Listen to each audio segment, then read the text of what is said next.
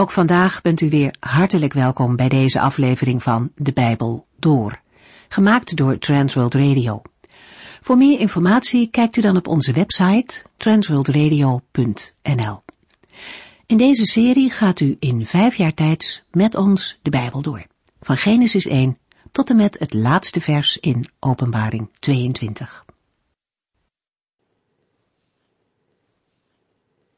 Als u uh, veel luistert naar deze serie en misschien wel eens een aflevering mist, dan is het fijn om te weten dat u die ook op onze website kunt beluisteren.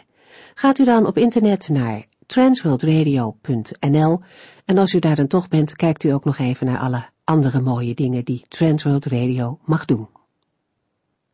Toen de Heer Jezus op de aarde rondliep, zei hij al, de wijsheid wordt gerechtvaardigd door haar werken.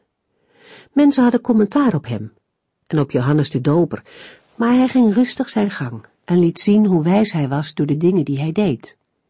Met dit onderwerp wijsheid zijn we de vorige uitzending gestart.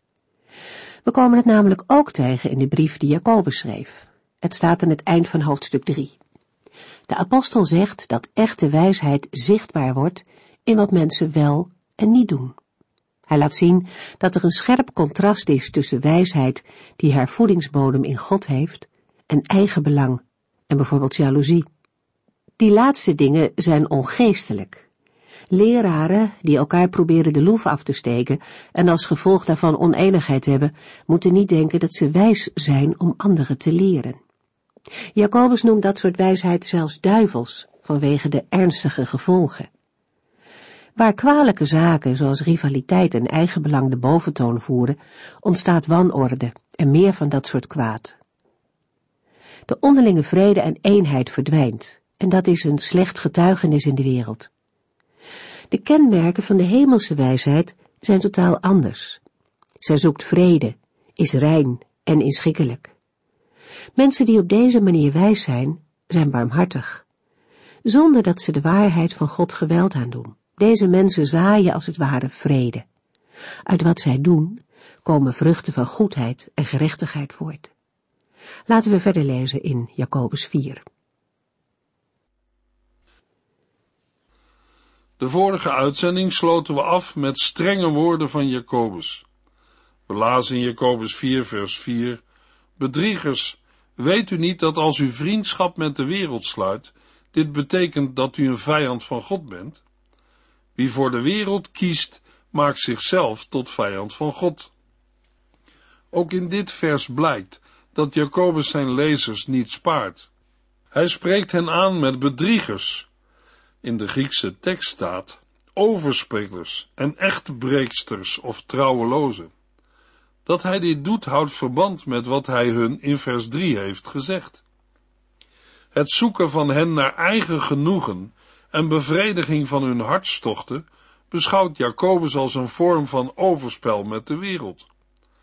Het woord overspeligen heeft dan ook geen betrekking op kwalijke praktijken op seksueel gebied, maar moet in geestelijke zin worden opgevat.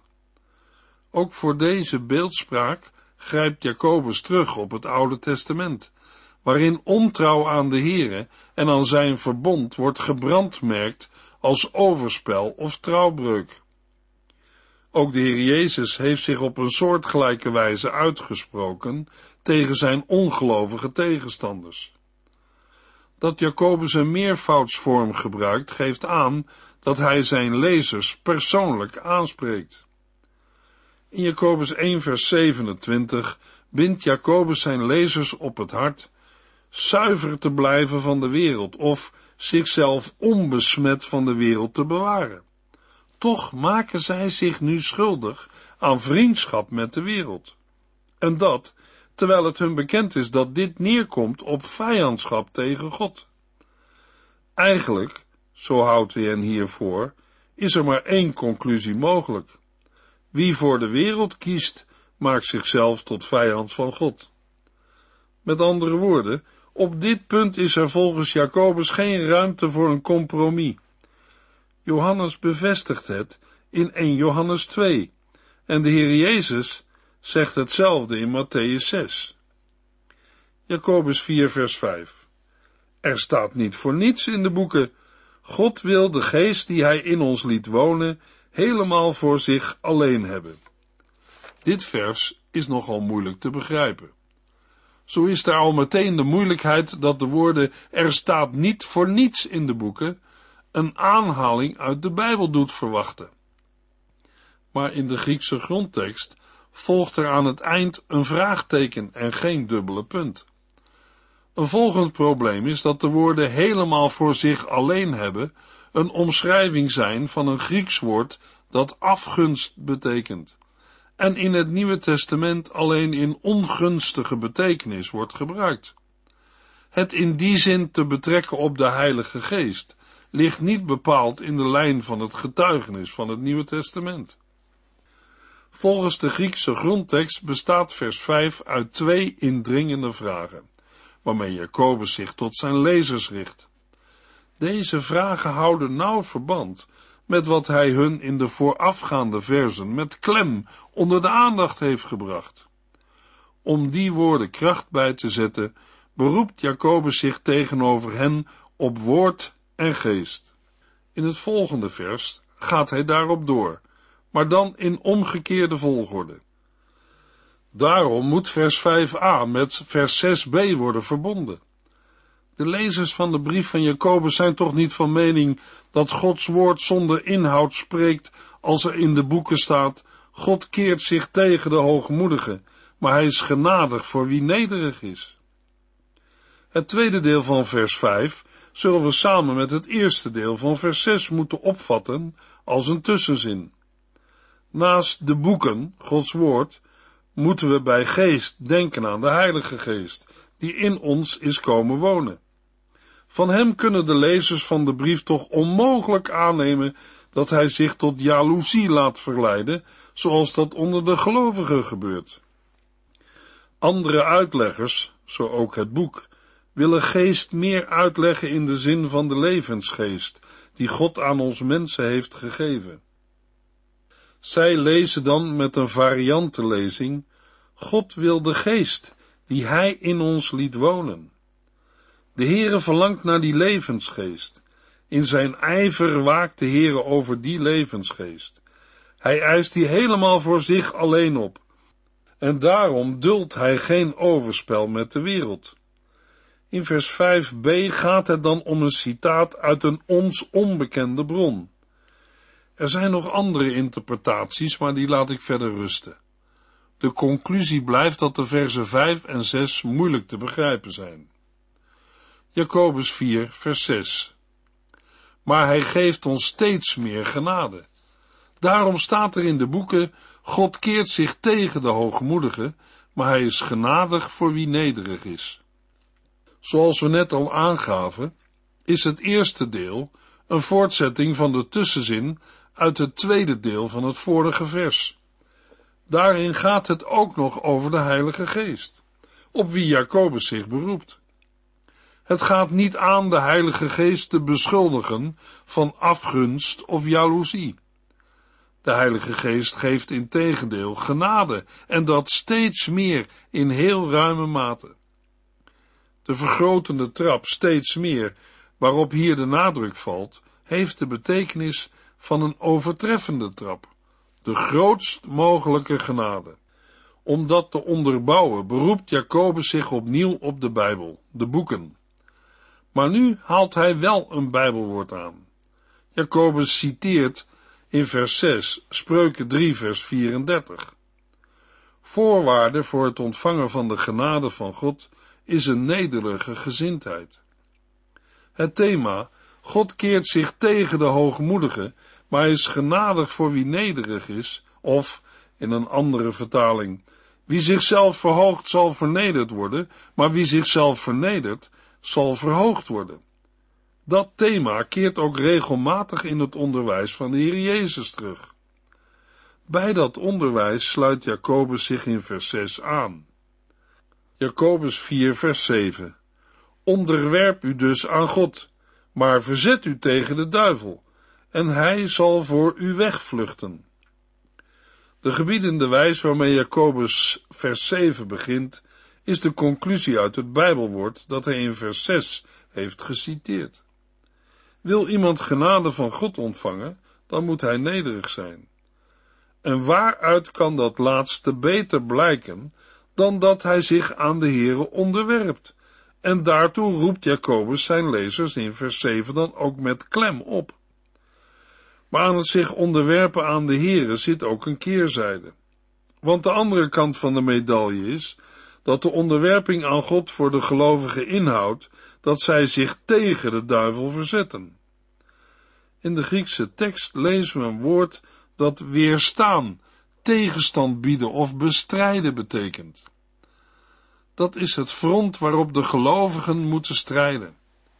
De tegenstelling tussen God en de wereld is ten diepste er één tussen God en de duivel. Wat de lezers van Jacobus nu doen, is met elkaar ruzie maken en vechten. Dat verscheurt de christengemeente en maakt de betrokken gelovigen tot een gemakkelijke prooi voor de duivel. Het Griekse woord dat in vers 7 voor duivel wordt gebruikt is diabolos. Het is afgeleid van het Griekse woord dat uit en door elkaar gooien betekent. De betekenis van het woord geeft aan dat de duivel een wezen is dat chaos bewerkt. Toch hoeven de gelovigen voor de duivel niet bang te zijn. Als de duivel merkt dat hij te maken heeft met een tegenstander die van God genade heeft ontvangen, dan zal hij op de vlucht slaan. Die toezegging hebben de gelovigen. Jacobus schrijft, onderwerp u dus aan God, maar verzet u tegen de duivel, en hij zal voor u wegvluchten.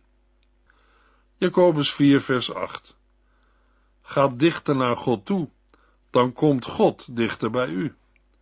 Was uw handen zondaars, u die op twee gedachten hinkt, laat uw hart zuiver voor God zijn.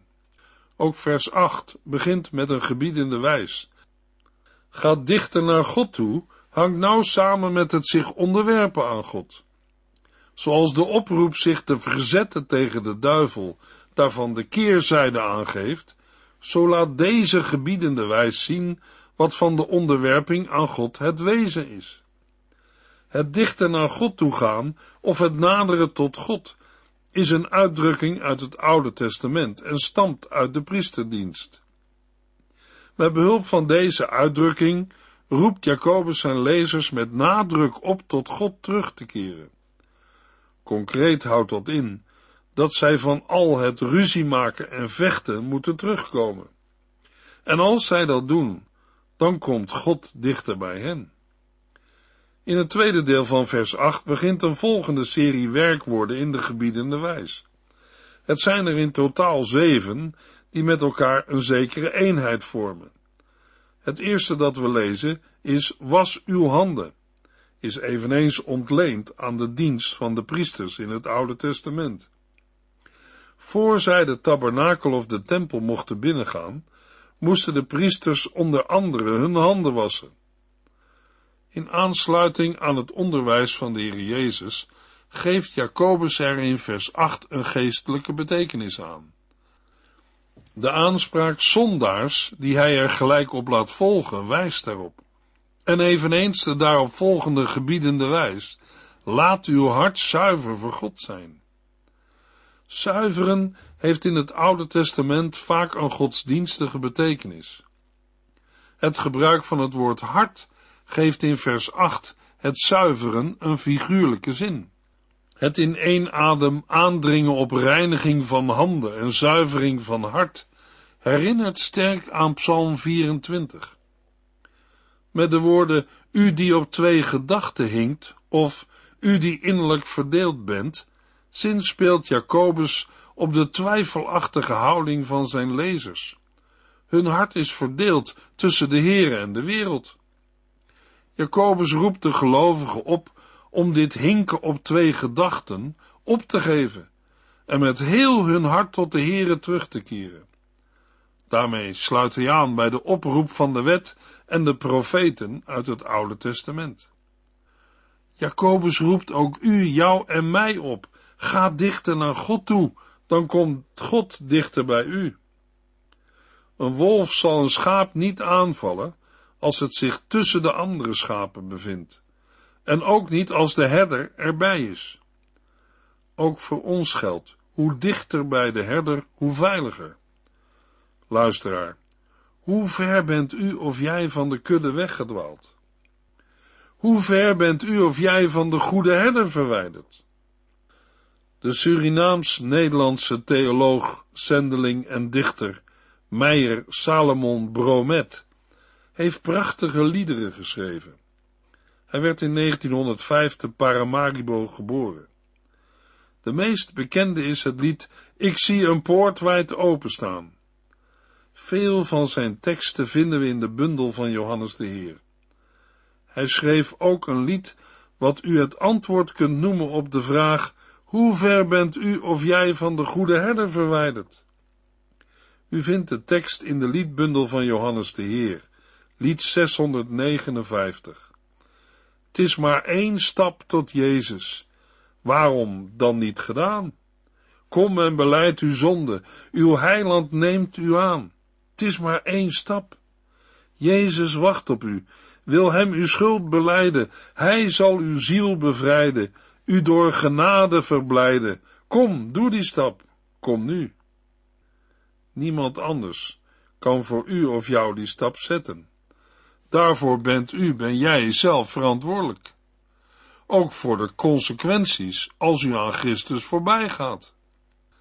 Jacobus 4 vers 9 Beklaag uzelf, huil en jammer van ellende. Het lachen moet u vergaan, uw blijdschap moet omslaan in verdriet. Met de woorden uit vers 9 bindt Jacobus zijn lezers en ook ons op het hart, dat er bij hen en ons een grote verandering moet komen, zowel in gezindheid, innerlijk, als in gedrag, uiterlijk. Tot het eerste roept Jacobus met klem op aan de hand van een drietal werkwoorden in de gebiedende wijs, die heel scherp en indringend klinken. In de Griekse tekst is de eerste van de drie jammer van ellende. Het heeft betrekking op het innerlijk van een mens. De overige twee, beklagen en huilen, dringen ook aan op het uiten van de innerlijke pijn. Jacobus stelt zich hier op als een boeteprediker, die zijn lezers wil bewegen tot verootmoediging en bekering. Dan volgt er in het tweede gedeelte van vers 9 nog een gebiedende wijs, waarmee Jacobus de lezers en ons oproept ook het gedrag grondig te veranderen. Hun lichtzinnig en zorgeloos lachen moet veranderen in verdriet. Bij dat lachen denkt Jacobus concreet aan het uitbundige lachen dat zij doen als zij hun hartstochten en eigen genoegens botvieren. Dat lachen is eigen aan mensen die doen alsof zij geen verantwoording schuldig zijn aan God. Dat lachen van hen als zondaar zijn mensen die hinken op twee gedachten, moet plaatsmaken voor verdriet over al het ruzie maken en vechten dat ze doen. En hun wereldse blijdschap moet omslaan in verdriet, in verslagenheid om hun zonde. Als ondergelovigen de zonde wordt afgedaan met de woorden, wij zijn ook alleen maar mensen, dan is dat geen teken van verdriet. Jacobus 4 vers 10 Als u beseft dat u klein bent voor de Heere, zal hij u verheffen. Met vers 10 sluit Jacobus de serie van zeven werkwoorden in de gebiedende wijs af en vat hij alle samen. Vers 10 is wel vergeleken met de wijsheid uit het Bijbelboek Spreuken. Het vers bestaat uit twee delen, namelijk een vermaning en een belofte, die beide teruggrijpen op het Bijbelwoord dat Jacobus in vers 6 aanhaalt. Omdat de Heere de nederigen genade geeft, is het voor hen zaak dat zij beseffen dat zij voor de Heere klein zijn. En als zij dat doen, dan zal hij hen verheffen of verhogen. Die belofte hebben zij van de Heere. We lezen het ook in 1 Petrus 5 vers 6, waar Petrus schrijft, Als u zich buigt onder de sterke hand van God, zal hij u oprichten als hij vindt dat de tijd daarvoor gekomen is. Hun bekering zal hun verlossing en heil brengen. Ook op dit punt sluit Jacobus nauw aan bij het onderwijs van de Heer Jezus. Jacobus 4, vers 11 en 12. Spreek geen kwaad van elkaar, broeders en zusters, en veroordeel elkaar niet. Want als u dat doet, veroordeelt u de wet van God, die zegt dat wij elkaar moeten liefhebben. Het is niet aan u om uit te maken of die wet goed of slecht is. Wat u moet doen, is die wet gehoorzamen. De enige die mag oordelen is degene die de wet ons heeft gegeven. Hij kan ons redden of ons verloren laten gaan. Met welk recht veroordeelt u dan uw medemens? In de versen 11 en 12 begint weer een nieuw gedeelte, maar de versen staan niet los van het voorgaande. Dat Jacobus zijn lezers zo nadrukkelijk waarschuwt voor kwaadsprekerij, zal zeker verband houden met het ruziemaken en vechten uit vers 1. Zulk ruziemaken en vechten gaat altijd gepaard met het belasteren van elkaar. Dat gaat meestal gepaard met het oordelen over elkaar. Doorgaans komt dat erop neer dat men elkaar veroordeelt. Met de woorden broeders en zusters wil Jacobus laten uitkomen dat in een christelijke gemeente of kerk het belasteren en veroordelen van elkaar nu juist niet mag voorkomen. Deze dingen verstoren de eenheid binnen de gemeente. Voor Jacobus is dat lasteren en oordelen van een broeder of zuster meer dan alleen een overtreding.